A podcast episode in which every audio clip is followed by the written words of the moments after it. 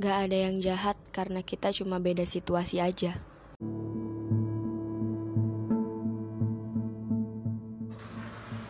Hai, apa kabar penduduk bumi? Balik lagi di podcast aku, manusia loyal, pendatang bumi, aku dari Pluto, kalian bisa panggil aku alien. Semoga kabarnya baik-baik aja, dan semoga hari ini menyenangkan. Walaupun dalam hati berteriak, lelah, capek. Rasanya mau mati aja, mau menghilang dari dunia yang sangat menyakitkan ini. Enggak kok, dunia ini nggak menyakitkan. Manusianya juga nggak buat kita sakit hati.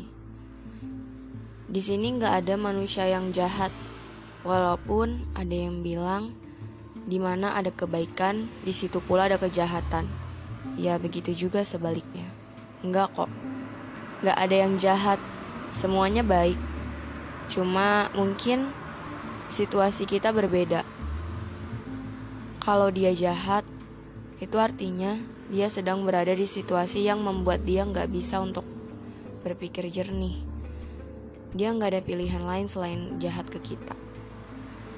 Itu bukan jahat, tapi bentuk dia meluapkan emosinya.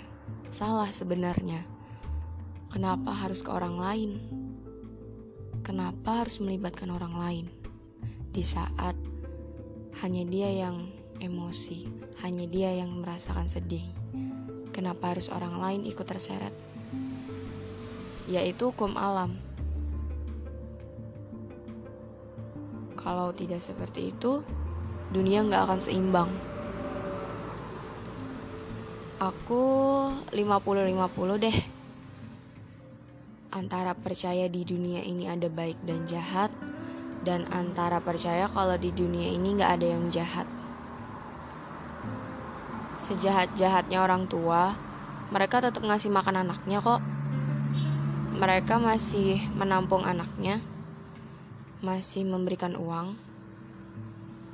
Secuek-cueknya orang tua, mereka pasti bertanya, kalau kita pulang malam, dari mana aja kamu? Itu pasti ada. Dan sesibuk-sibuknya orang tua, mereka punya alasan. Mereka sibuk untuk kita. Duit yang kita pakai untuk jajan, shopping, check out Shopee, Tokopedia, Lazada, itu duit dari orang tua kita. Kecuali kamu udah kerja. Ya, nggak ada yang jahat di dunia ini Mungkin cuma karena kita berbeda situasi dan sulit untuk memahami satu sama lain. Mungkin hanya itu. Lebih pengertian sesama itu ide bagus daripada harus saling menyalahkan. Coba deh kita berpikir kalau manusia itu nggak ada yang jahat. Isi bumi ini nggak ada yang jahat. Contohnya aja maling dia ngambil uang orang, mengambil hak orang lain. Alasannya, pernah nggak kita nanya alasan dibalik orang-orang ini melakukan kejahatan? Alasan maling, mereka mengambil hak orang lain karena sebelumnya hak mereka juga diambil oleh orang lain. Contoh kecilnya, mengambil sebuah roti yang harganya seribuan. Mereka cuma lapar, alasannya cuma itu. Dan kita, kita punya uang lebih dari seribu, bahkan puluhan kali lipat dari orang yang ngambil roti itu. Tapi coba, betapa pelitnya kita cuma untuk memberikan satu roti kepada orang yang kelaparan itu kurang pengertian namanya kan?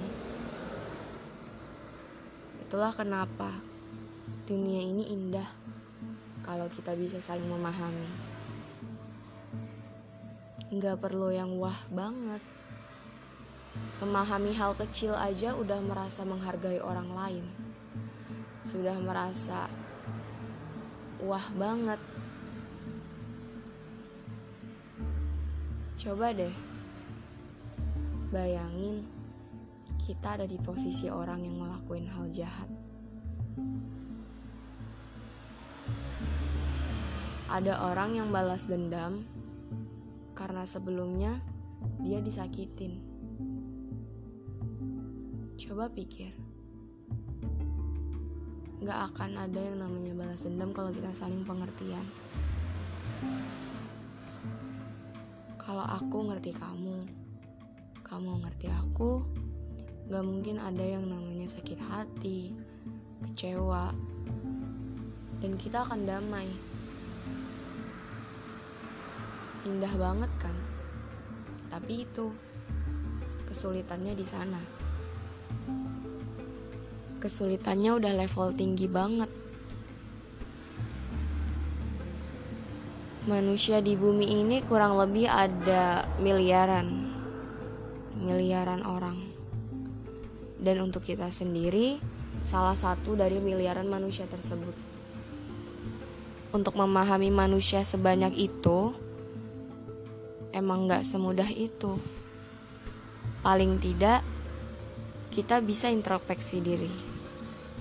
Kita bisa menjaga lisan dan perbuatan kita agar tidak menyakiti orang lain. Andai dikata ada orang lain nyakitin kita, coba tenang dulu, pikirin dengan kepala dingin. Pikirin alasannya dia. Tanya, kenapa? Kalau menurut kamu logis, maafkan. Karena nyimpan dendam itu nggak ada gunanya. Cuma buat kita capek sendiri. Sakit hati itu wajar, kecewa itu wajar. Tapi jangan berkepanjangan, karena itu bisa merugikan diri kita sendiri. Ada yang ngeluh jauh dari sahabatnya cuma karena masalah sepele. Ada yang berbicara, curhat, putus sama pacarnya cuma karena masalah sepele. Kenapa? Kenapa cuma karena masalah sepele kalian putus? Kenapa cuma karena masalah kecil kalian jauh-jauhan? Padahal ada jalan terbaik, yaitu membicarakan. Mungkin dua-duanya egois. Gak ada yang mau ngalah. Semuanya besar kepala. Semuanya tinggi gengsi. Ya gimana mau runtuh? Gimana mau kembali? Gimana mau semuanya baik-baik aja kalau dua-duanya egois? Ini bukan tentang siapa yang mau mengalah atau siapa yang salah ini tentang bagaimana kita mencoba untuk mempertahankan suatu hubungan. Coba deh, temen kamu temen kamu egois, dan kamu juga merasa gengsi. Oh, aku nggak salah. Ngapain aku harus minta maaf? Yang salah itu dia. Itu yang namanya tinggi gengsi. Tapi nggak mau jauh. jangan nomor satu kan gengsi nggak ada yang egois karena di sini bukan tentang siapa yang mau mengalah atau siapa yang paling salah bukan di sini tentang siapa yang mau mempertahankan hubungan ini di saat jauh-jauhan rindu di saat berdekatan meninggikan gengsi tapi ingin kembali.